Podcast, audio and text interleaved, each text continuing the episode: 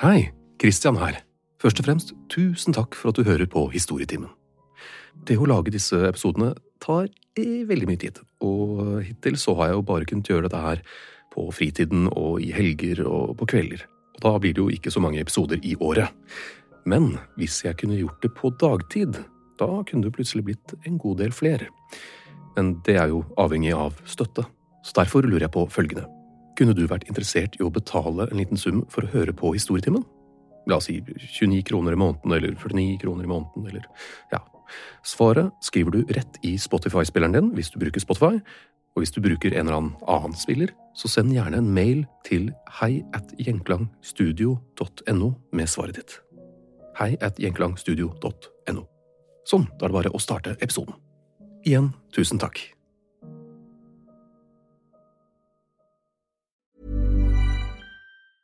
I'm Sandra, and I'm just the professional your small business was looking for. But you didn't hire me because you didn't use LinkedIn jobs. LinkedIn has professionals you can't find anywhere else, including those who aren't actively looking for a new job but might be open to the perfect role, like me. In a given month, over 70% of LinkedIn users don't visit other leading job sites. So if you're not looking on LinkedIn, you'll miss out on great candidates like Sandra. Start hiring professionals like a professional. Post your free job on linkedin.com/achieve slash achieve today. Hold up. What was that? Boring. No flavor. That was as bad as those leftovers you ate all week. Kiki Palmer here, and it's time to say hello to something fresh and guilt-free. Hello Fresh. Jazz up dinner with pecan-crusted chicken or garlic butter shrimp scampi. Now that's music to my mouth. Hello Fresh. Let's get this dinner party started. Discover all the delicious possibilities at hellofresh.com. Millions of people have lost weight with personalized plans from Noom, like Evan, who can't stand salads and still lost 50 pounds. Salads, generally, for most people, are the easy button, right? For me, that wasn't an option. I never really was a salad guy. That's just not who I am. But Noom worked for me. Get your personalized plan today at Noom.com. Real Noom user compensated to provide their story. In four weeks, the typical Noom user can expect to lose one to two pounds per week. Individual results may vary. Velkommen, kjære lytter, og velkommen, Helge. Hallo. Eh, Er du klar? Jeg er meget klar.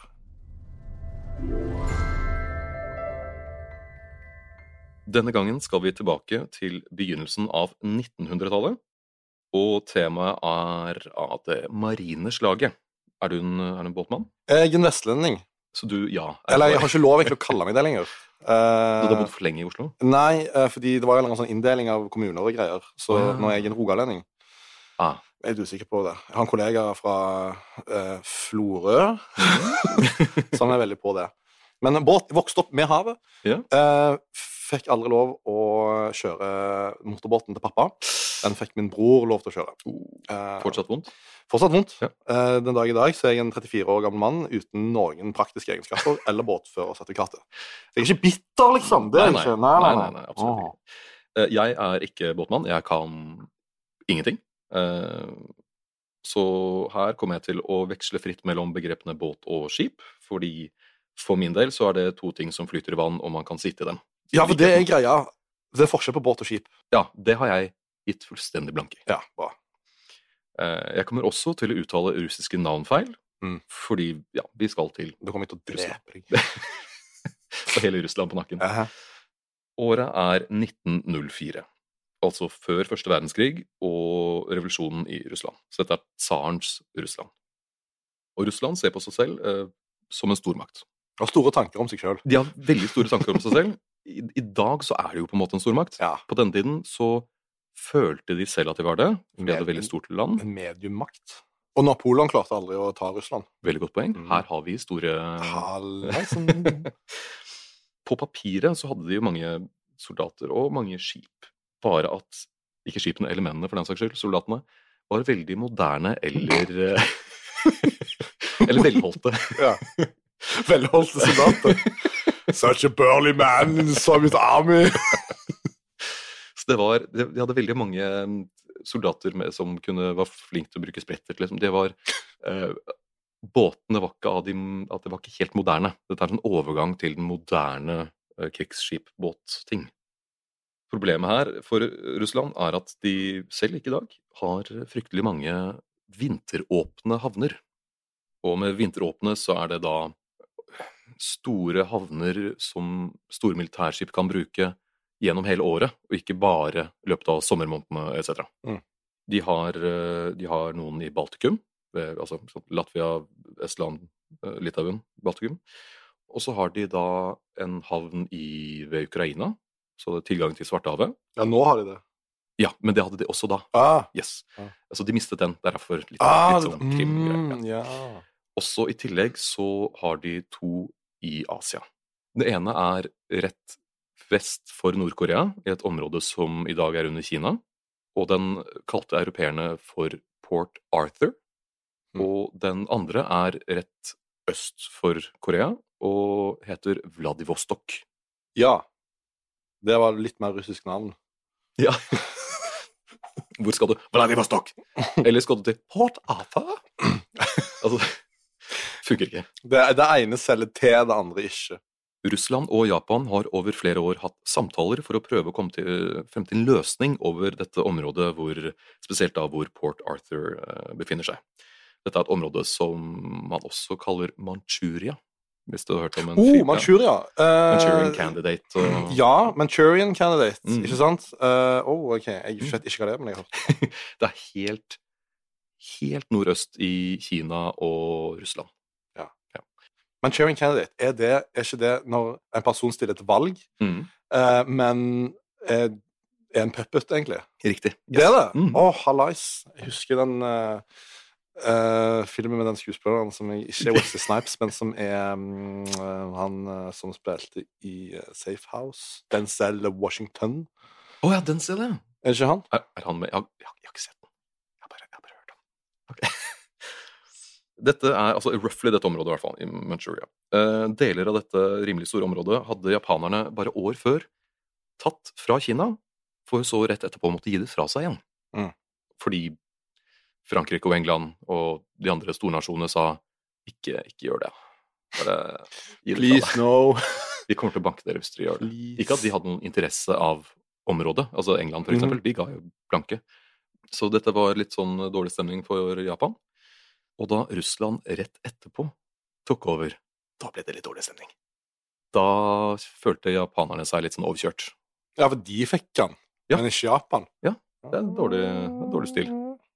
Favorisering. Ja, det ble sånn en ripe på det skjøre japanske egoet der. Dette var området som for Japan var i, innenfor deres interessesfære. Nå skal jeg bruke et av mine favorittord. Var det av deres geopolitiske interesse? Oi, oi, oi, oi! Det er helt riktig. De ville ha litt kontroll over det. Så de hadde prøvd å få i gang samtaler med Russland om uh, styret av området, da. Og Russland var jatta med, de. Men de jatta med fordi de, de ga egentlig fullstendig blanke. Bare utsatte og utsatte og utsatte. Inntil japanerne skjønte at det var akkurat det de gjorde. Ble drittforbanna. Og overraskelsesangrep Russland. De bare OK, nå erklærer vi krig Mot hele driten. mot hele Russland. Mhm. Og Dette var ganske ut av det blå for Russland, selv om det ikke burde være det, kanskje. Og det første japanerne gjør, er å blokkere og minelegge disse to havnene. Mm. For dette er jo veldig nærme Japan i tillegg. Ja. Nå bare en liten sving rundt uh, Korea. Og det viste seg at Port Arthur ville være utrolig lett å ta over. For det var to høyder på utsiden av, uh, av byen, eller havnebyen. Og det er egentlig bare å putte noen kanoner der, og så bare regner det ned kuler og krutt. I have the high ground. Yes. Mhm. Så det var egentlig bare om å gjøre å ta de uh, haugene, og så har man egentlig byen. I tillegg så måtte man vente på høyvann før båter kunne gå inn eller ut. Så det Mm. var en litt sånn tøyste... Det er en tullehavn. Det er litt tøy, tullehavn. Mm. Så da hadde japanerne minelagt og omringet begge havnene, så det vil si at det er ingen vei inn eller ut via sjøveien for russerne. Tsaren vet råd og sender sin beste mann, admiral Makarov. Å! Som har en pistol som er oppkalt etter seg. Yes. Makarov-gunnen. Som er den mest bedritne gunnen i mange dataspill. gøy. Makarov blir da sendt østover i all hast via den transsibirske jernbanen, og han er på denne tiden anerkjent som den overlegent beste marineoffiseren Russland kan skilte med. Eh, Med han ved roret så begynner Russland sakte, men sikkert å snu ting til det bedre. For han greier å få litt sånn koll på hva som egentlig skjer, og, og få litt mer kontroll på ting. Inntil båten han eh, er i, som også da var perlen i den russiske marinen, flaggskipet Petropavlovsk, Veldig bra. takk, Ti poeng. treffer en japansk mine Mm. og synker. Så ikke bare mister Russland sitt beste skip i denne situasjonen, men eh, admiral Makarov mister bokstavelig talt hodet i samme situasjon. Nei. Ja. What? Han, han var på den båten? han var på den båten, eh, ble truffet av eh, shrapnel og mistet hodet. Så da sitter snell. Russland måpende igjen. Det er, Men det var kanskje verdens første mann som blitt halshogd av en mine? ja, det, Altså en sjømine?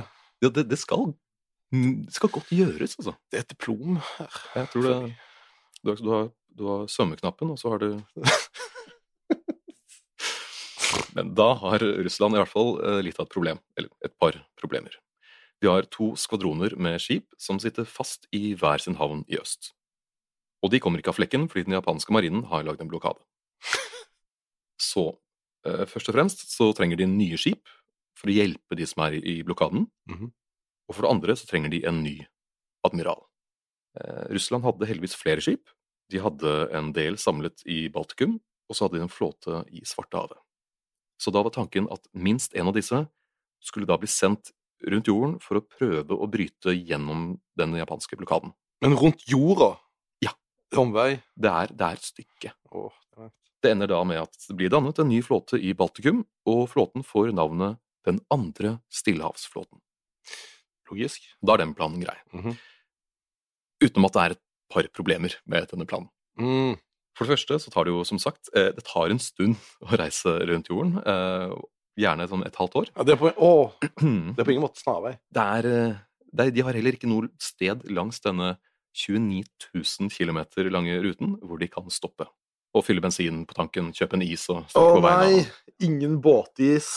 Ingen eh, Ikke noe Se og Hør flaskepost. Ah, Det er tragisk. Balle. Fordi vanligvis så ville de hatt det, men siden dette er Vanligvis det ikke masse båtis. Men siden Log dette it to Se flaskepost. Vladimir jump in ocean, get me shit. I want free vacation to Granca. Men siden dette er krig mellom to parter, så sier uh, rules of war da, at nøytrale land ikke skal blande seg inn og gi den ene parten en fordel og ekstra hjelp, f.eks. Uh, og så hjelper det ikke det, det faktum at Russland var typ det minst populære landet i verden akkurat da. Eh, Ja, det er jo en solid mulighet til å gi de fingeren. ja. Eh, og England hadde jo altså, Tenk hele Afrikas kyst. Altså, det er, de har kolonier overalt. Ja, for det var på den tida, ja. Yes. Ja mm, Fuck jorda sjøl. Yes, pluss at britene har et løst samarbeid, skråstrek, en liten allianse med, med Japan. De hadde vel en handelsavtale, eller? eh, Ja, det et eller annet sånt. De hadde skrevet under en, en greie noe, bare noen år før. Et annet lite aber er at skipene absolutt ikke er designet for å reise i tropisk klima. Ja, for dette er krigsskip. Ja. ja. De, dette er, Sibirske ja, krigsskip. Dette er liksom- Masse pels. er lagd i Russland. For Russland. Ja, ikke sant? Det er dekket av pels utsiden og innsiden. Det er ja, tenkte- flytende otere. Ja, men, ja, men du sa det sånn Du, du sa i stad at Nei, eh, jeg trodde de fleste skip og båter var lagd av tre, men her kommer de første skinnbåtene.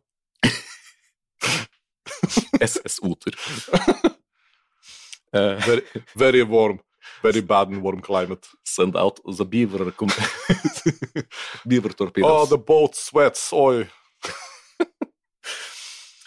Eh, Alle disse små tankekorsene ble selvfølgelig fullstendig ignorert. Til å lede denne flåten faller valget på en offiser ved navn Zinovi Rozjestvenskij.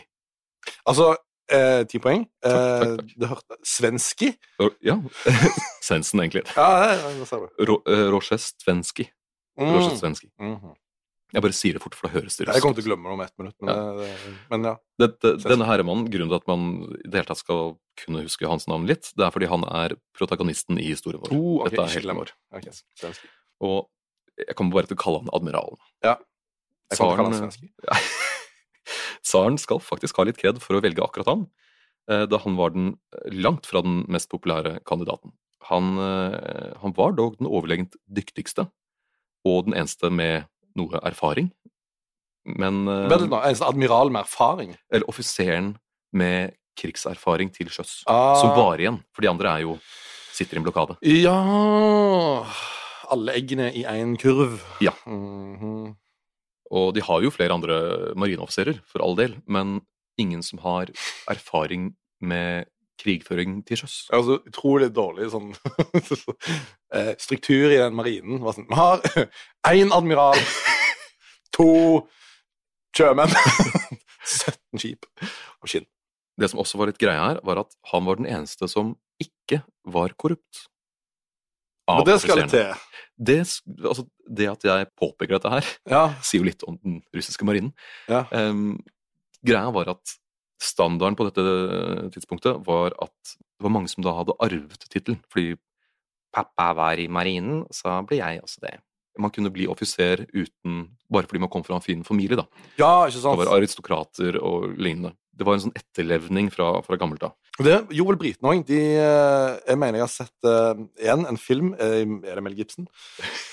Eh, Commander eh, et eller annet. Ja, ja, ja. ja. ikke sant? Og så er det da veldig mange sånne småpjokker der, Ja. eh, som er kommer fra veldig rike familier, som skal sendes ut for å få Master and Commander. Master and Commander, hallais, som handler om uh, iallfall den kulturen. At Ja. de sendte ut uh, unge pjokker uh, for å få ledererfaring og militærutdannelse. Og da var det liksom rett ut i krigen. Du er tolv år, ti Konfirmasjonsalder, Gosli. Ja, før, det, liksom. Du, du går i fjerde klasse, og så får du kommandoen over 200 menn og et skip med 16 kanoner. Og du bare Takk for gaven. Takk for bursdagsgaven. Jeg vil gjerne takke alle som kom i min konfirmasjon. Fortsatt ikke stemmeskifte, liksom. Nei. Jo, det var, å, det var ikke Mel Gibson, men da har han, han andre. Russell Crowe. Yes. Ja. Men eh, Roger Sven... Men Roger Men admiralen vår hadde Ja. Svenski! Roger Sven... Roger Svenski -hmm. hadde ikke arvet tittelen. Han eh, var sønn av en eh, farmasøyt eller noe sånt. Altså, var vanlig kar og hadde gått gradene. Mm. Og var en, han var særdeles kompetent, og i motsetning til alle de andre kollegaene hans. På grunn av dette så var han da ikke særlig populær hos de andre offiserene. Ikke overraskende nok, altså, når han var den eneste som ikke er med i klubben, på en måte. Ja. Men det han var, var svært populær blant sine underordnede, altså mannskapet sitt. Og både mannskapet og skipene han hadde styrt, de var kjent for å være høyst disiplinerte, raske og effektive. Ellers var han kjent for å ha et vanvittig temperament ovenfor folk som enten ikke A. ikke fulgte ordre, B. var inkompetente. Å, jeg er så redd for noen folk. kan ikke drite deg ut. Nei. Så You han, fucker, turn this valve to the right. Så tar du venstre og bare sånn han kunne fett slå ned Han kunne lett slå ned matroser Mm. eh, hvis de ikke fulgte ordre. Men Those the days. summa summarum så var ikke mannskapet hans sinte over det, for de visste at han også hadde sykt lyst til å gjøre det med de andre offiserene, som enten ikke gjorde som de skulle, eller hvis de ikke var rettferdige overfor sitt eget mannskap. Eneste grunnen til at han ikke slo dem ned, var fordi de var av på en eller annen måte koblet til tsarens hoff. Mm. Så det hadde ikke gått bra for noen om han hadde gjort det. Oh, Gud, Det, ja, nei, men eh, han eh, Altså, helvete å jobbe for, men digg å ha i marinen. hvis du gjør jobben din og ting går smooth, så er han veldig fin å ha. Og han er, altså, han er, han er, han er dyktig, han er perfeksjonist, han er populær blant uh, folket, og han er hatet av eliten. Eh, Jinx. jinx. Så dette, han er en sånn uh, heltetype à la Disney, føler jeg litt. litt. Ja, jeg bare står for meg Jafar, jeg nå, men eh, det Men ok, ja. Og så tilbake til skipene. Totalt 45 skip ble samlet for å forberede seg til en reise til Asia. 75 skip? 45. 45. Men 45 skip, det er mye. Det er mye. Ja. På, på papiret er dette mer enn nok uh, for å knuse den japanske blokaden. Men de måtte jo ha påfyll med drivstoff underveis.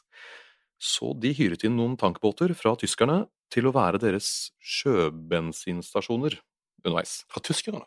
Ja. For de var tjom i Ja, de var eh, Keiseren var fetteren til tsaren. Ikke sant? Alle var egentlig Alle var jo mer eller mindre slekta. Ja. eh, For øvrig, keiseren, eh, tyske keiseren hadde kommet med fine ord om eh, Roches, Roches, Roches Admiralen. Admiral Svenski! Svendsen, som vi nå kaller han. Eh, Roches Svenski. Der. Men disse sjøbensinstasjonene til, som tyskerne skulle hjelpe dem med Eller de hadde jo hjulpet dem, de fikk jo betalt. Greia at disse skipene som ble sendt fra Russland, de var jo drevet på kull. Mm. Og ingen hadde forsøkt å fylle kull midt på havet i denne skalaen før. Bare fylle på land, er, det, det var på en måte farlig nok. Så med høye bølger så er dette litt sånn sketchy, men som Pippi så, så kjent sa, det har jeg ikke gjort før, så det klarer jeg sikkert. Men altså, umiddelbart tenker jeg å fylle av kull Det er jo bare Bare, altså, hallais. Men det er noe man kan fysisk flytte i et nett fra et skip til et annet. Absolutt. Eh, men, men når jo men når jeg tenker meg om, så er jo flytende drivstoff mye enklere, for det er jo bare å slenge over en slange. Ja.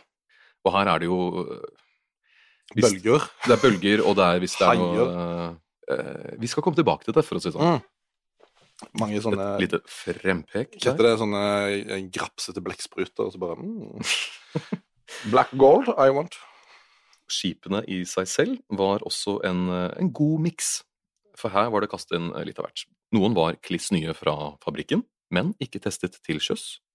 Noen var eldgamle og knapt burkende, mens andre igjen var fritidsyachter og passasjerskip man hadde plassert en kanon eller to på.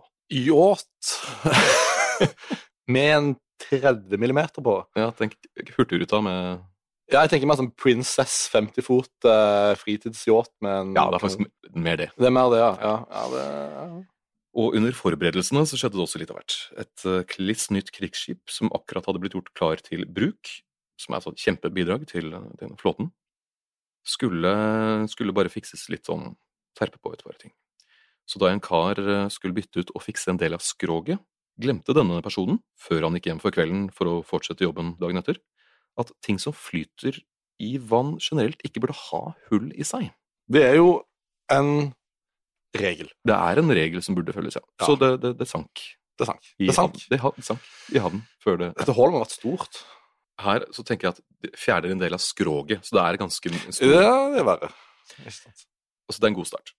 For ikke å bruke for mye drivstoff, altså kull, og for å ha så mye plass som mulig til kull, så får skipene kun nok ammunisjon til én stor kamp. Mm. For det er planen, da. At de skal bare bryte seg gjennom blokaden, og that's it. Det betyr at de ikke har ammunisjon nok til å øve på veien eller før de drar. Eller teste uh, Eller teste gunnerne. Mm. De overlegent fleste om bord har aldri skutt før. Så det kunne vært praktisk å lære å sikte i ja, krig. ja, ok, så går det går. Eh, Nesten hele mannskapet, matroser etc., ble hentet fra Sentral-Russland og var eh, førstegangstjenestefolk. Mm. Faktisk hadde de fleste av dem aldri engang sett havet. Ja, dette er jo Altså Man tar det man har, da. Tager det man haver, ja. Men Ja, nei. Eh, Så dette interessant start. Ja, ja. Nei, jeg tenker jo at det kanskje um, uh, Russland har jo også en stor kystlinje. Mhm. Uh, men med denne logikken så ble alle de sendt inn i flyvåpenet. Og uh, ja, ja, Det er ja. veldig, veldig tidlig flyvåpen der. Veldig Ja, ja fordi Wright-brødrene fant jo ikke opp flyet før i den tiden. Eh, Litt før 18... Det var 1800-tallet, Ja. ikke sant? Men eh, fly ble vel egentlig ordentlig brukt i første verdenskrig. Og, Ja, ikke sant. og det var jo tøysefly. Det var tøysefly. Tull og tøys. Men uh, som sagt, altså er jo Som sagt så er da de, de dyktige marinefolka er jo i en blokade. Ja, selvfølgelig. De De er allerede brukt opp. de er allerede brukt opp. Ja. Så da må man Å, shit, vi trenger flere. Ikke sant. Så henter man uh, fra landhæren. B-laget. B-laget. ja. Dette er vel uh, C-laget. C-laget. På fotballbanen så er ikke disse på benken engang. Disse Nei. er hjemme og ser kampen på TV. Mhm. De vet ikke at de er på laget engang. Fotball? Jeg trodde vi spilte ishockey. Er jeg på laget?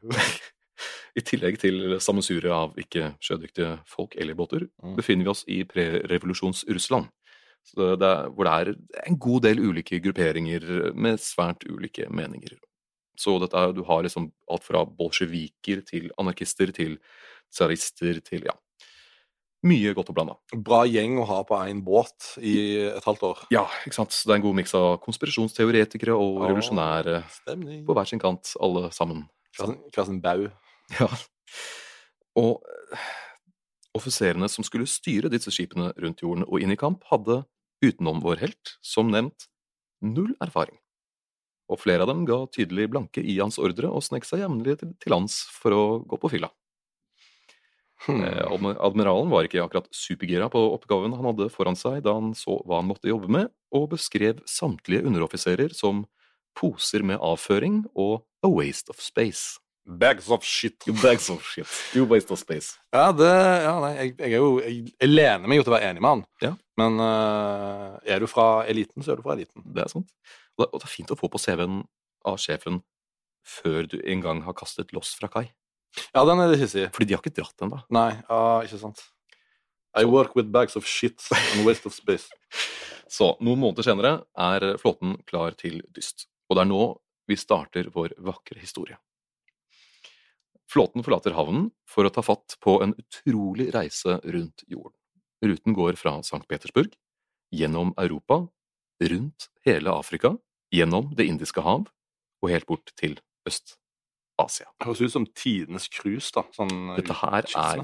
Ja, ja. Dette her er eh, SS Paradise eh, Eller HM eh, Altså, SS jeg tror jeg er noe annet. jeg tror ordet bak jaktet er HMS. Health and- Health and safety, holdt jeg på å si. Ja, nei, ja, His eller Her Majesties. Ok, ja. SS var eh, eh, litt hissigere båter med litt strengere krav til mannskap. Litt eh, drøyere barter. Litt drøyere barter, litt, uh, litt ondere folk, kanskje. Umiddelbart kjører en av båtene på grunn. Hvor, hvor umiddelbart snakker vi? Med halvtime, liksom? Ja. Åh, ja ok, De er fortsatt ved kai. Og et, en annen av båtene av en eller annen grunn greier å miste ankeret sitt. Så mens resten av flåten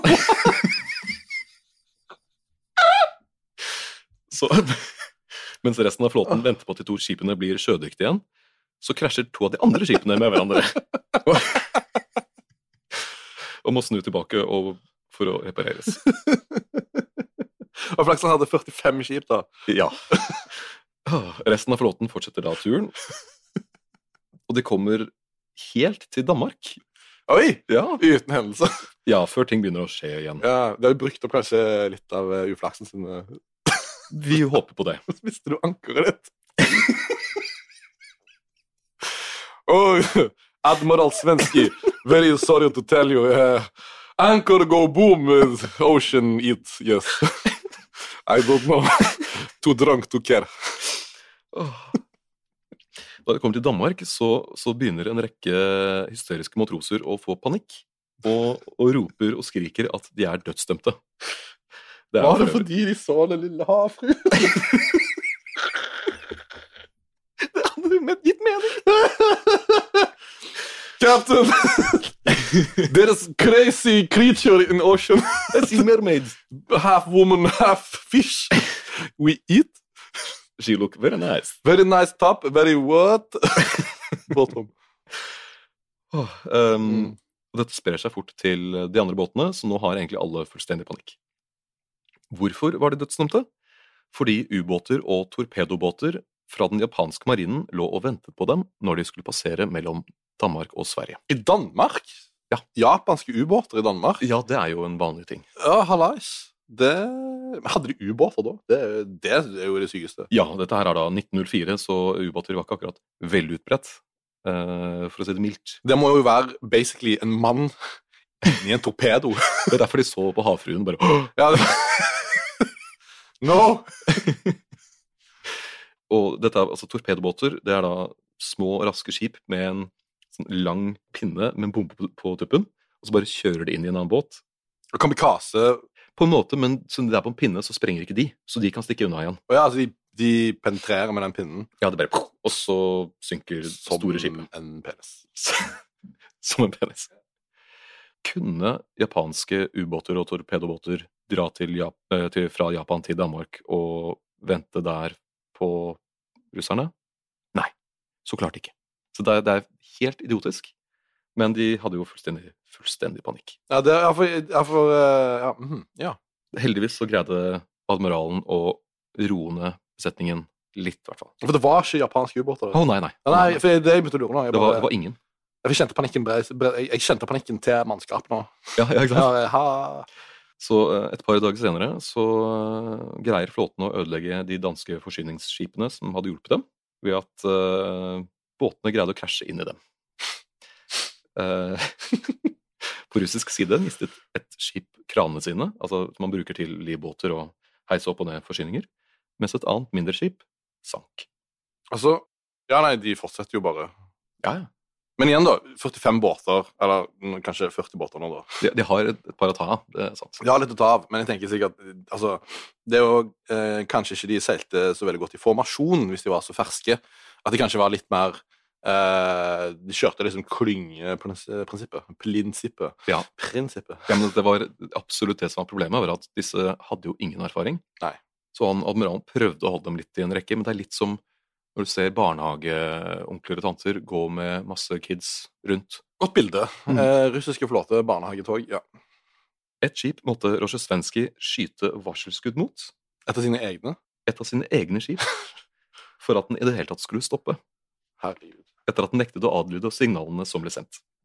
Så da den til slutt gikk med på å ikke spinne rundt som en femåring på sukkerrush, så ble, var admiralen så drittlei at han bare sendte den tilbake til St. Petersburg. Aleine? Alene. Ja. Også dette for å klargjøre, de er fortsatt utenfor danskekysten. Mm. De skal et stykke. De er jo kommet faen meg rett ut av døra, liksom. ja, ja. Ja. Døren er ikke lukket igjen. Ja, De er på dørmatta. svensk. Eh, Videre på reisen så dukker det opp nye rykter. Japanerne har minelagt området. Japanerne har omringet oss med torpedobåter. De kan snike seg inn blant oss og drepe oss alle, etc. Og de er jo, som vi alle vet, ninjaer, så det er jo Mm. logisk, det. Mm -hmm. Vår helt admiralen er nå rimelig drittlei, men prøver å roe ned det nervøse mannskapet på de andre skipene ved å si at ok, ingen andre fartøyer skal komme inn mellom oss i flåten. Ok? Det er ganske greit. Ja, det er gode ordre. Rett etter at han ga den ordren, kommer det en liten fiskebåt tøffende mot ham. Stop you bastard! Tolv av båtene med livredde folk ved kanonene åpner selvsagt ild mot Ja. den lille jolla. ja. Heldigvis så hadde de jo ikke fått noe trening på forhånd, så ingen, absolutt ingen, traff en eneste gang. Eh, fiskebåten kommer bort til admiralens skip. Ja, den som- kjører fortsatt bort, ja. Ja. Ja, ja, den skjønner ingenting, den. Dansken, ass. Uh, og admiralen mottar eh, jolla og kapteinen, og kapteinen har en beskjed til tsaren, for det, det er tsaren som har sendt denne lille jolla. Mm. Og det er at uh, admiralen har nå blitt uh, viseadmiral, så Nedgradert. nei, det er greit, jeg har kalt han en admiral hittil, fordi han har fungert som en. Ah. Eh, nå er han da nummer to i hierarkiet etter han som mistet hodet. Oh, ja. Så nå, han er Han er top dog. på en måte, vil jeg Ja. tro. Ikke sant? Eh, I hvert fall over sin flåte. Mhm. Eh, Forresten, eh, admiralen vår er jo en herre som sliter med aggresjonsproblemer. Ja, og han hadde visst en lei tendens til å kaste kikkerten som han hadde rundt halsen, over bord mot skipene han irriterte seg over. Heldigvis var mannskapet hans rutinert nok, det hadde jo seilt med han et par ganger før. Eh, så de var rutinerte nok til at de tok med seg en kasse om bord med 50 ekstra kikkerter. Just in case. Eh, et lite frempekk her. Disse får han bruk for. Eh, og apropos, apropos det, så vil jeg nå i historien gjerne introdusere skipet Kamtsjatka. Kamtsjatka. Kamtsjatka. Dette var da et reparasjonsskip som var en del av flåten, og som da skulle ligge bakerst som en hale, eller den hadde jo ikke noe å egentlig gjøre noe foran der. Kamtsjatka er også navnet på halvøyen det er på vei til. På en måte, Det er ved Vladivostok. Ja, ja, Det er ikke ja, ja. langt unna. Det er ganske nærme. Symbolpolitikk. ja, ikke sant? Så det, det, det, det passer fint i historien. Dette skipet og dets mannskap skal vi bli godt kjent med. For nå slår Kamtsjatka alarm og sier at den blir angrepet av japanske torpedobåter. Panikken brer seg igjen over flåten, og når den blir spurt om hvor mange torpedobåter, svarer den tja, cirka åtte. Alle. Alle skipene går selvsagt da i full krigsmodus, men ingen andre i flåten ser noe som helst. Ettersom tiden går og heller ingenting skjer, nekter offiseren om bord for at han muligens kan ha tatt feil, men trumfer gjennom at fienden gjemmer seg. Hmm. Så før de i det hele tatt har passert Danmark, så har de kjempet mot usynlige torpedobåter. usynlige ubåter og usynlige minefelt. Men nå var de klare for å ta seg ut i Nordsjøen.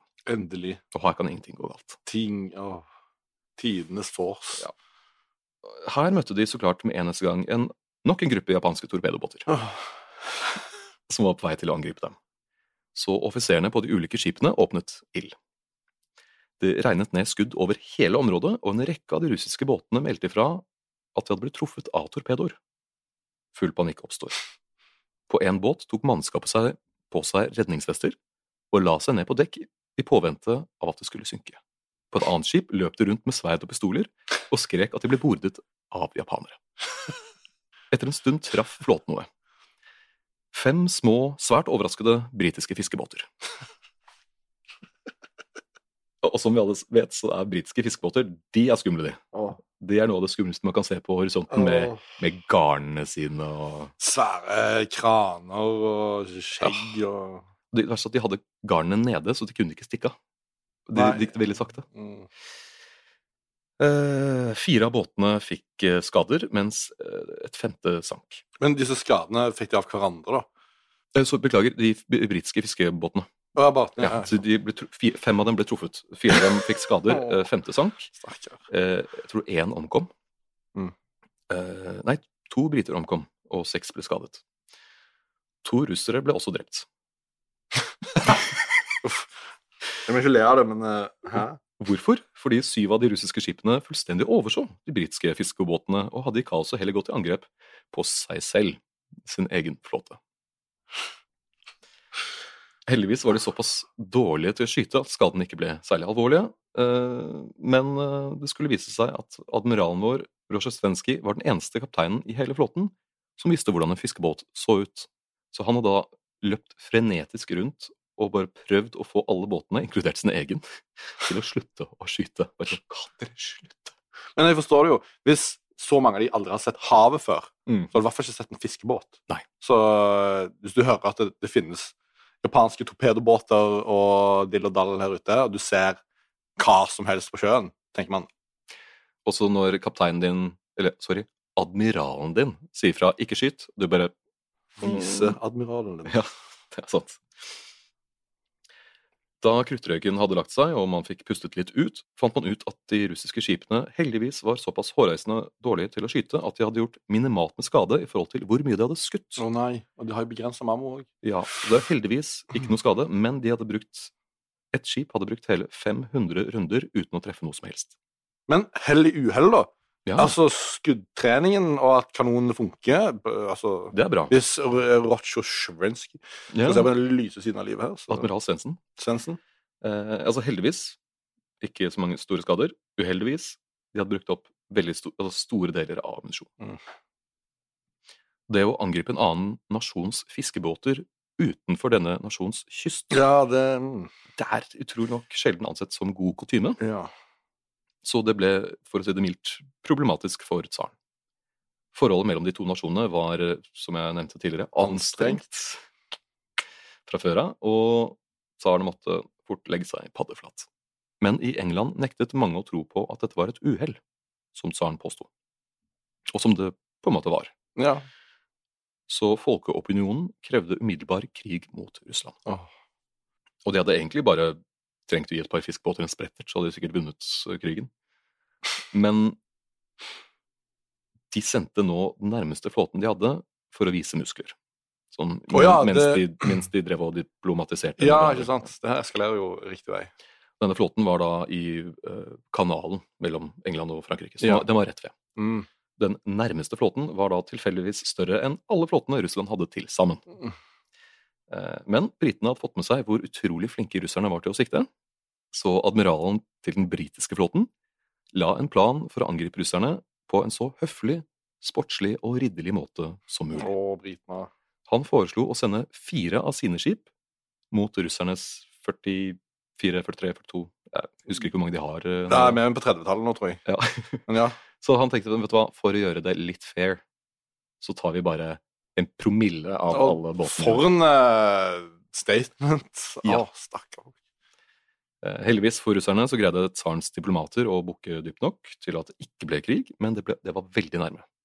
Men Det var et par ting som da diplomatisk måtte skje, og det var utenom å måtte betale erstatning for, uh, for fiskebåten og alt det der, så var det to andre krav. ene var at de som var i hovedflåten, de fikk ikke bruke britisk-kontrollerte Suezkanalen til å reise til Asia.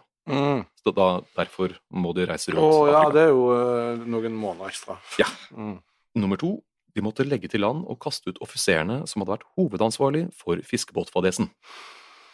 Men de trodde liksom på admiralen at han ikke kunne Det var ikke hans feil, men hans eh, feil. noen må bøte med hodet. Eh, Dette her er jo litt fint for, for admiralen, for han kan jo bruke denne unnskyldningen, den siste her altså, til å kvitte seg med et par inkompetente bråkebøtter.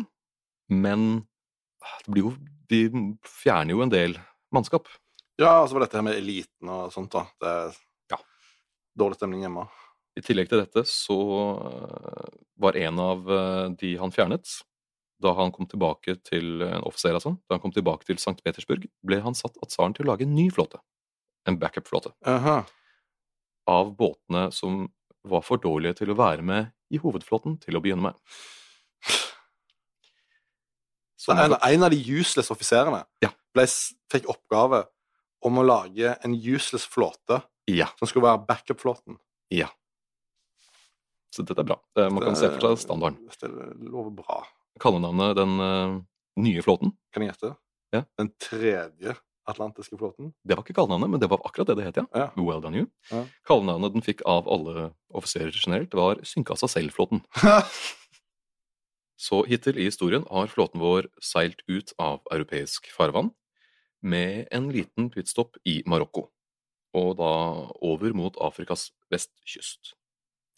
Her går flåten og admiralen vår noen stille dager i møte. Hvis man ser bort fra at et av skipene greide å kutte en telegrafledning tvers av, som tilfeldigvis var hovedkommunikasjonsåren som koblet Nordvest-Afrika og Europa. De stille dagene er det var først og fremst fordi de i kaoset med de skumle britiske fiskebåtene mistet kontakten med flåtens yndlingsskip Kamtsjatka, Oh, som tidligere nevnt skulle ligge bak i rekken. Dette her var alle veldig fornøyd med. Og man, man krysset egentlig fingrene for at båten hadde krasja i et skjær eller reist hjem eller Jeg får sånne assosiasjoner til russ som er ute og ruller. Ja! Ja! Det er litt sånn, det er sånn du, du har syke busser. Du har eh, aldri hatt de på veien sånn egentlig. Eh, du kutter ned telefonlinjer, du krasjer inn i politibiler, det, du hallus- hallusinerer på sopp. Og så blir det eh, Russebussene blir ledet av en buss med alle foreldrene i. Ja! ja. Så prøver å holde det litt Å nei. Akk nei, Kamtsjatka har ikke krasjet. Etter noen dager så tar båten flåten igjen, og den har med gledelige nyheter. For mens resten av flåten hadde driti seg ut og nesten startet en krig ved å angripe noen fiskebåter, så hadde Kamtsjatka tatt ansvar. De kunne skryte av å ha pepret ned tre japanske torpedobåter med 300 skudd.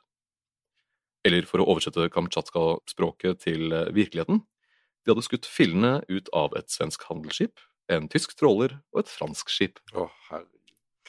Som om russerne var populære fra før av, Mm. så har de nå tre andre land å Det er sånn deilig tog av fuck you eh, nedover hele verden. Yes. Heldigvis unngikk Russland et nytt diplomatisk mareritt og å havne i krig med hele Europa.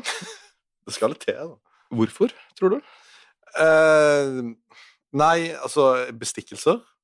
Uh, Nei. eller var det mer at de bare kasta ut offiserene etter hvert som de De var nei. såpass ubrukelige at de bomma på samtlige 300 skudd. Ja, selvfølgelig. Yes. Så ingen traff. Selv om eh, kapteinen var hellig overbevist om at så klart traff de. De hadde jo senket disse tre japanske torpedobåtene. Utenfor Afrikas vestkyst begynner det nå å ser litt dårlig ut for kullbeholdningen om bord. Men heldigvis så har de jo avtalt påfyll fra de tyske kulltankerne. Siden påfylling av kull var farlig nok eh, på land, kan man pent si at det var livsfarlig til sjøs. Og siden det også er tidkrevende, finner admiralen vår ut at de skal doble beholdningen om bord i båtene. Mm. Dette er kanskje ikke en- en genistrek, for dette her betyr da å overfylle båtene med kull hvor enn det er plass til å ha kull. Mm. Så Se for deg at du, du stopper på en bensinstasjon og fyller tanken, mens du tar deg en sigg. For å bare understreke at det er farlig fra før av. Og så fyller du hele bilen din med bensinkanner. Ja. På bensinkanner på bensinkanner. Bagasjerommet, øh, Fanget setene bak, øh, fanget, hanskerommet Mm. Deilig. Og jeg du Sigge som en gud. Yes. Og, så det var, det var kul overalt. Men ikke bare det. Både utsiden og innsiden av båtene ble nå dekket av kullstøv, som er oh. svært antennelig. og digg å puste inn. Og kjempedigg å puste inn. Mm. Så hvis vi går tilbake til bilen igjen, det er at etter du har um, fylt opp hele bensin, uh, bilen, bilen med bensin, så bare dynker du resten av bilen i lag bensin? Med bensin. Ja. Og så tenner han røyk. Til. Mens du prøver å ikke sprenge deg selv tidlig. Så om det ikke var ille nok å seile rundt i en flytende molotov-cocktail, så gjorde luftfuktigheten langs Afrikas kyst sitt for å plage de om bord. Mm. For kullstøv blandet med høy luftfuktighet, det gjorde at uh, samtlige om bord fikk dekket svelg og lunger i et kontinuerlig tjukt lag av tykt, sort slim. Mm. Så er det et par, et par som døde der. Åh. Skjære Ja. i lungene. Mm, Ja, deilig. deilig. Mm. Da de endelig var på vei igjen, seilte de inn i en storm. Mm. Ja, for nå kommer været, liksom. Ja, Ja, ja. som, og en storm er jo i og for seg kjipt nok på Atlanter, i Atlanterhavet, liksom. Men under den daglige sjekken, hvor båtene en etter en melder fra om status og lignende, kommer vi igjen til Kamtsjatka. Å, Kamtsjatka. Du, Den du eh, babylonske tulling. Den blir spurt om status, og svarer Ser dere andre også japanske torpedobåter? Nei! Gi deg! Panikk oppstår igjen mens båtene desperat leter etter magiske japanske torpedobåter midt i en storm. Men altså, de er fortsatt bak oss. Ja. Ja, men, Så da må de snu og liksom wow. ja, men også er det en idé å ikke la det mest paranoide gjengen være bak oss. Det er også et veldig godt poeng. Ja, men nei da. Utrolig nok så kommer de helskinnet gjennom og passerer Cape Town når admiralen vår får beskjed om at den tredje russiske stillehavsflåten, eller Synkassa-seilflåten, har kastet loss fra St. Petersburg, og den vil gjerne møte opp med hans flåte. Og... Altså, han regner med at den i beste fall vil være en sinke. altså, i beste fall så synker han på vei der. Ja, det, det er, ja, det er faktisk ja. Er, kanskje ja. admiral Svenski. I tillegg så ledes den jo av den offiseren som han ikke tåler trynet på, som er ubrukelig, så han bestemmer seg for å kutte all kontakt. Ja, kutte all kontakt og nekte å oppgi koordinatene sine. Og nå begynner Svenski å leke med Mhm. ilden på sin kullbefengte flåte. Yes. Eh, en annen som tar kontakt for øvrig, er en britisk tjenestemann som eh, småsarkastisk nevner at britene har noen fiskebåter i området just in case. Mm. Ikke skyt dem, er du grei. Nå har de passert Sør-Afrika, og de kommer til Madagaskar. Da får de den tunge beskjeden om at Port Arthur, den relativt lett overtagbare Ja, det havnen, med de to fjellene? Eller Yes. høydene? Ja. den hadde da overgitt seg etter å ha blitt bombet sønder og sammen. Mm. Og at alle skipene som lå der, hadde blitt senket. Så dette er litt sånn dårlig Det hjelper ikke på moralen Nei. at uh, halvparten av de de skal uh, hjelpe, holdt på å si, er borte. Til gjengjeld så er det jo én mindre gjeng å redde. da. Jeg prøver så hardt jeg kan se silver lining, Ja, du er jo evig optimist, Helge. men jeg sliter. De har jo de har flere andre skip ved, ved, i Vladivostok, men dette, var, eh, dette er et alvorlig slag. For å løfte moralen lot de mannskapet å gå om bord på Madagaskar Nei, ikke gjør det. for å gi dem en liten pustepause. Her fant de mange artige, eksotiske dyr, som de til og med fikk ta med seg om bord som maskotter. De eksotiske dyrene inkluderte lemurer, fugler og reptiler i alle mulige farger, samt krokodiller og slanger.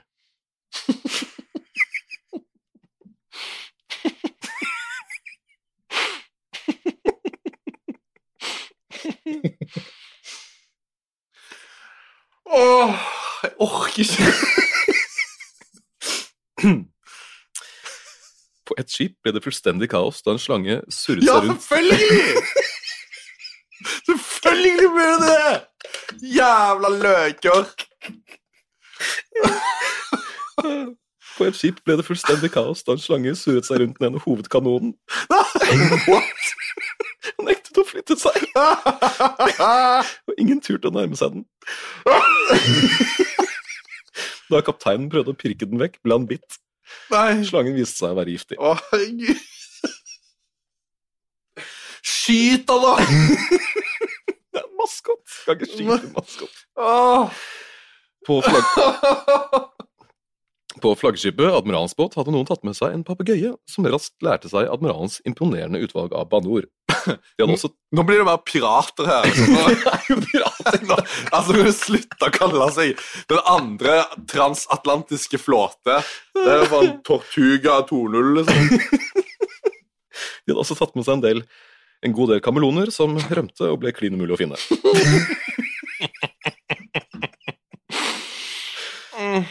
Ellers klagde mannskapet i flåten på at de ikke turte å legge seg lenger fordi de Selvfølgelig! Fordi du det hadde- slanger og krokodiller overalt.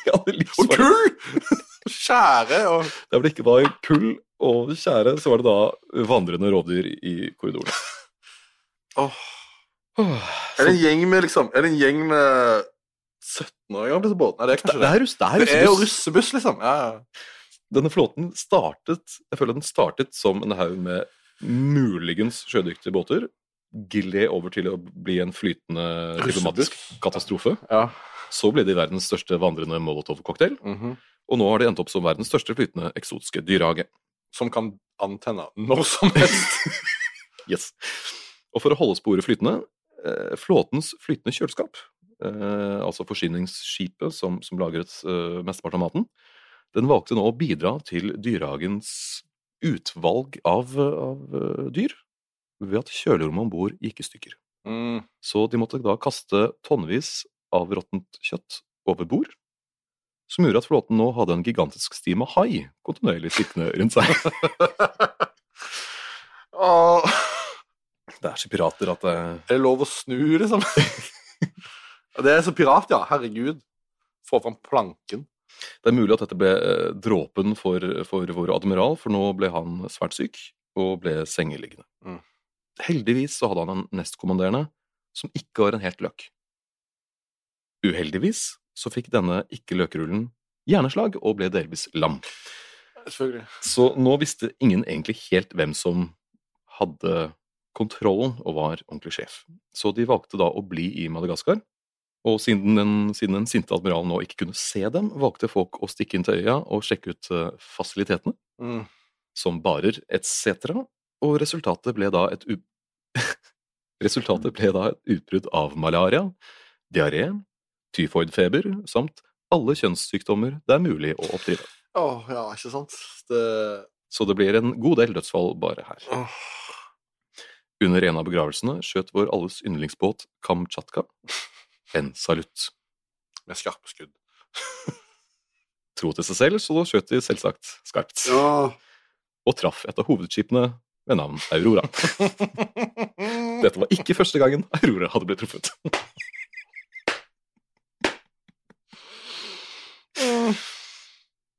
Åh, jeg orker faen ikke dette. Slutt! Vi var, Aurora var nå rimelig drittlei, og det var eh, altså sin egen flåte og alt, og det var egentlig alle. Hele om bord var møkk lei alt og livredde for absolutt alt. Og frykten og paranoiaen som hadde marinert og godgjort seg i mange måneder, tok nå fullstendig overhånd, og de ulike grupperingene, altså de revolusjonære, religiøse Ja, for de har jo ikke kommet til ennå. Nei, nei, Nei, nei. De, de har, de har kost seg. De har saus seg inn i konspirasjoner om bord. Mhm. De prøvde nå hver for seg å igangsette myteri. Åh, ja, det selvfølgelig. Offiserene som skulle holde orden, hadde dessverre oppdaget at Madagaskar var et aktivt sentrum for narkotikahandel, og var lykkelig vitende om hva som foregikk om bord på sine skip. En offiser ordna seg 2000 sigaretter som alle viste seg å inneholde opium. Så, så de lot sine menn løpe rundt og slåss med hverandre, og mot farlige dyr, om bord på sine skip. Opium gjør deg ikke sånn gira, de gjør deg sånn sløv. Mm. Så du ligger i en sånn opiumbule Ja. inni skipet ditt. Ja, de var vel sikkert ø, Eller- og, og- opp i Madagaskar. Eller bare- Madagaskar om på land, da. Og så har du slang, og du har krokodiller. og Du Mm. har Du har slanger, du har krokodiller, du har uh, Lemurer. Lemurer, la oss ikke glemme det. mm. Du har uh, folk uh, som hater hverandre, og konspirasjonsteoretikere som tror de at noen skal komme og drepe dem. De ser alltid japanske ubåter overalt. Absolutt overalt. Du har båter som skyter på hverandre. Uh, hint, hint, Kamtsjatka. Mm. Og du har alt er dekket av kull og kullstøv og dritt. Og kan ha fyr når som helst. Ja. Nei, det er bare å fortsette. Ja, ja. Ja, ja. Altså, ikke stoppe det. Nei, nei, nei, nei. Heldigvis, faktisk, begynte helsen til admiralen vår nå å komme seg, og de som hadde oppført seg verst av mannskapet, sikkert alle, ble sendt av flåten i vanære. Problemet da var at det var egentlig litt for få om bord skipene til at de var krigsdyktige. Mm. Som om de var det fra før. Ja, det er bare, det er bare Når var de det? Flåten hadde nå også da så klart skutt vekk nesten all ammunisjon på ulike fiskebåter og hverandre, så gleden var stor da et forsyningsskip med ammunisjon endelig kom frem. Gleden varte ikke fryktelig lenge, for da de åpnet kassene, viste det seg at det hadde vært en liten kommunikasjonssvikt. For alle kassene var fylt med 12 000 par med varme vinterstøvler og matchende vinterjakker, Mm. som er perfekt når man er i iskalde i hvert fall ikke jungelbefengte Madagaskar. Det iskalde, iskalde Madagaskar. Bring me jacket. Admiralen er da altså fullstendig klar over hvor ubrukelig han er, så selv om de har lite ammunisjon, så setter han, eh, setter han i gang skyteøvelser. Han bare håper at de får et nytt forsyningsskip med ammunisjon før de skal i krig. Så han setter i hvert fall i gang skyteøvelser. Og målet er et stillestående objekt på sjøen. Ingen av båtene treffer. Utenom flaggskipet, hvor admiralen er for øvrig. Det traff med ett skudd.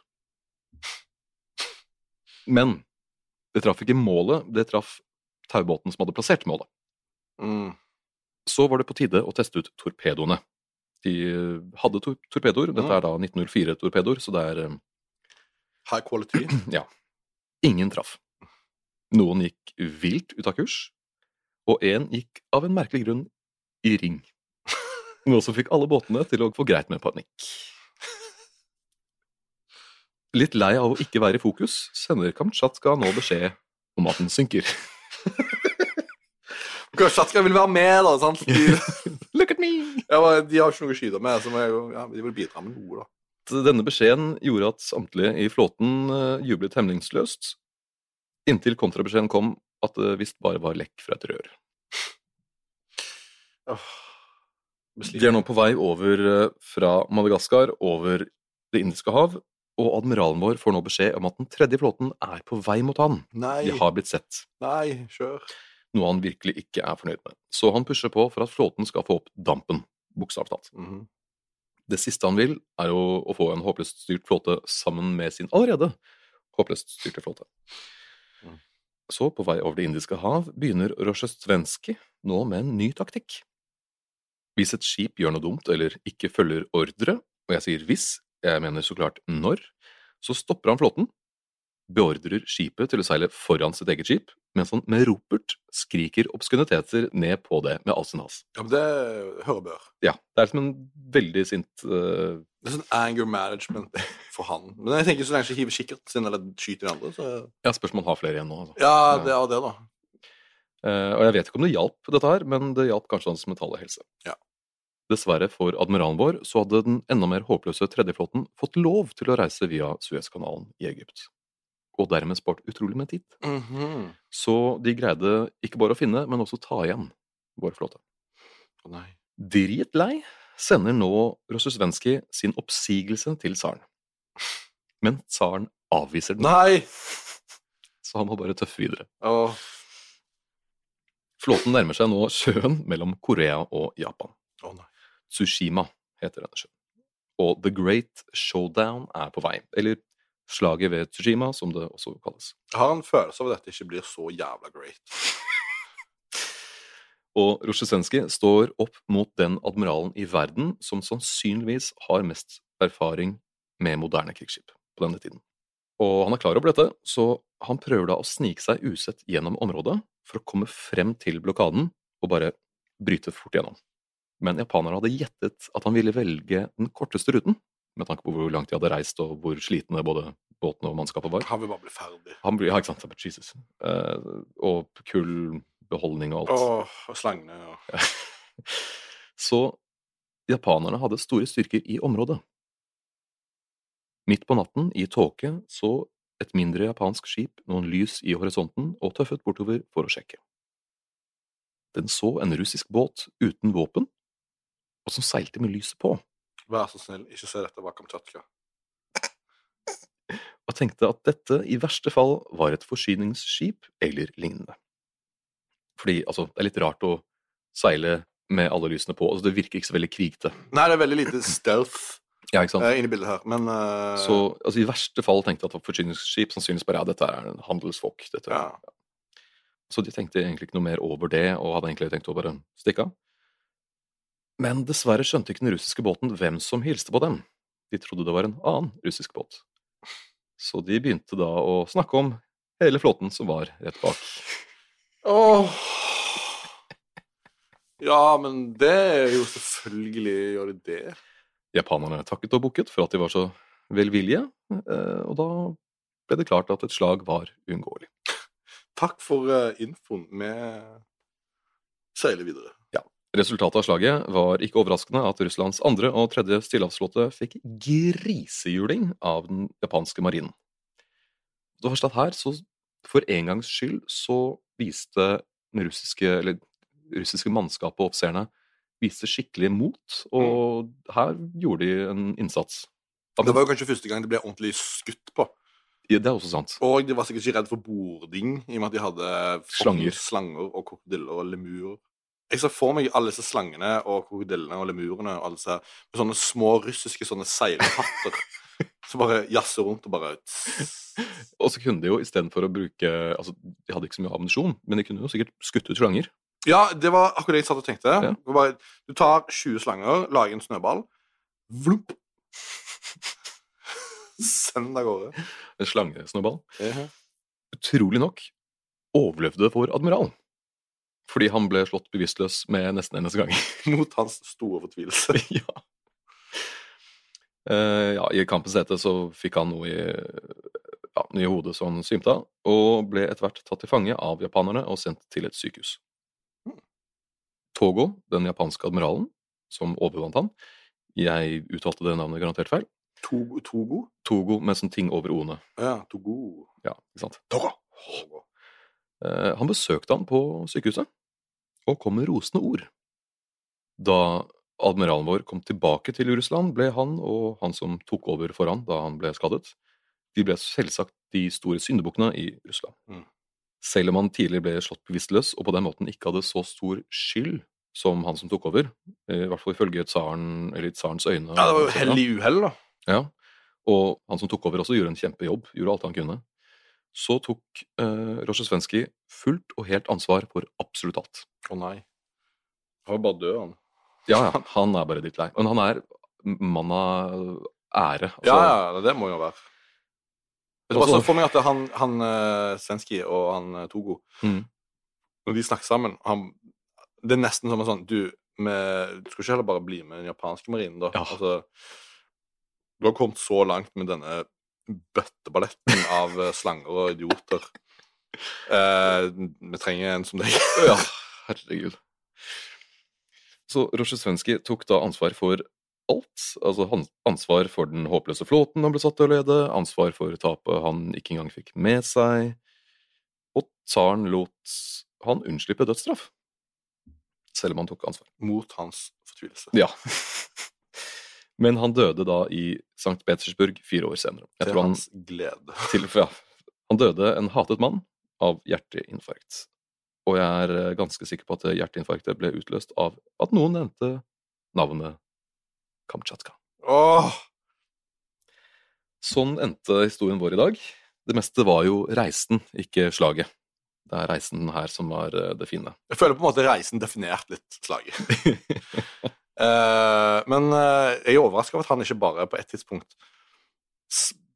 deserterte, liksom. Men Ja. han er jo mann av sin ære, mann av ære. Ja, det er det, da. Eh, Hadde han vært litt mindre ålreit, så hadde han bare gått i land i Madagaskar og blitt der. Ja, og bare Nei, sorry, bare det her går faen ikke. Ja, Men, eh, men igjen fascinerende at også han ble slått ut av hodeskade. Mhm. Som han eh, som en gjen- Makarov Eller Malakov? Makarov.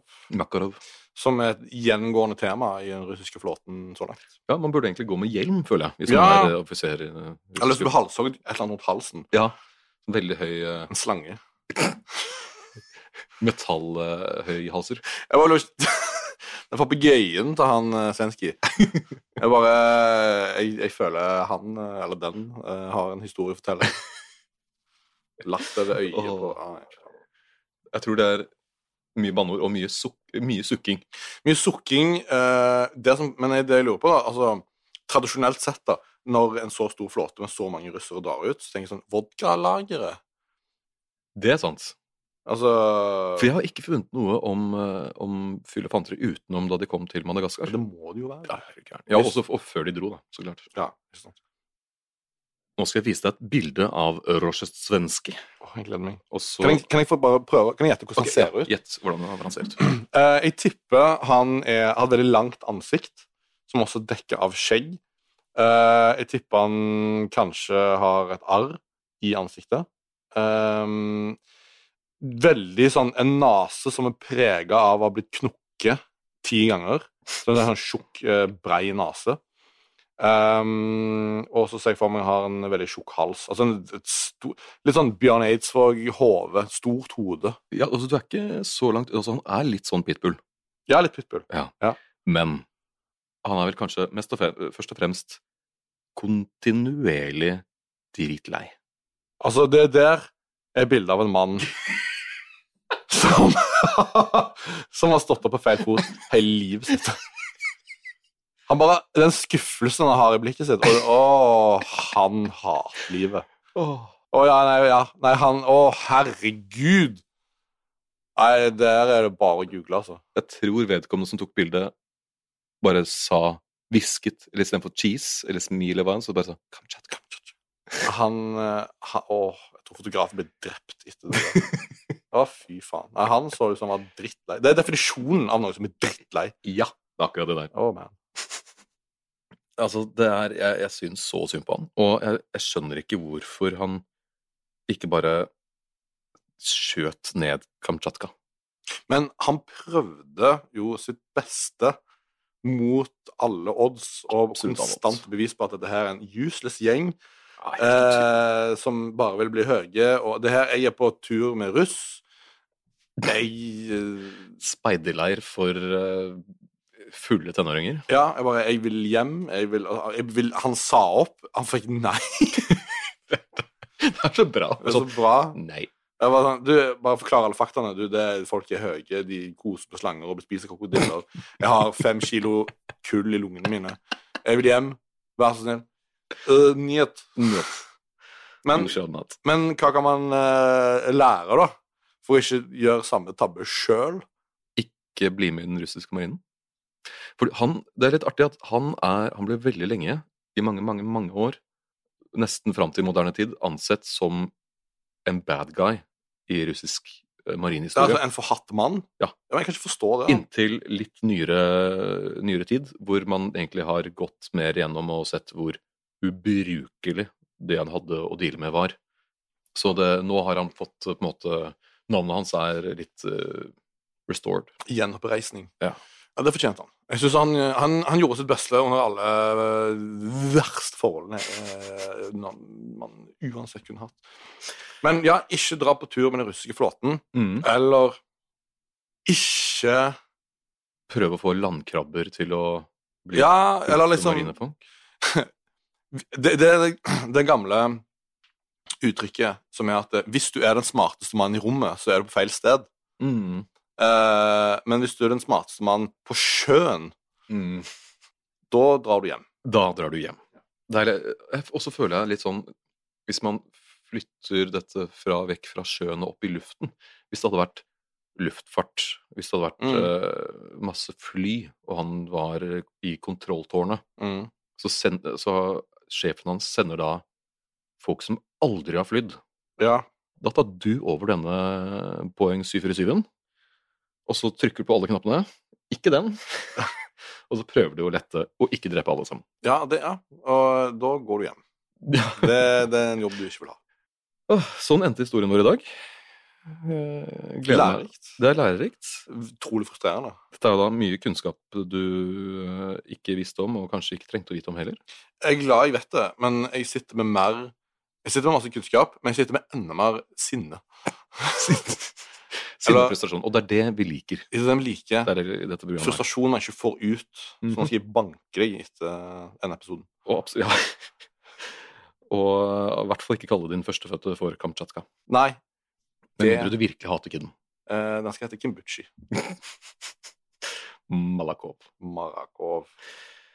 Og takk for, takk for i dag. Jeg gleder meg til neste gang. Jeg skal finne et eller annet fullstendig ubrukelig og irriterende å fortelle. Jeg gleder meg til å bli like sint som jeg er nå. Takk for nå. Takk for nå.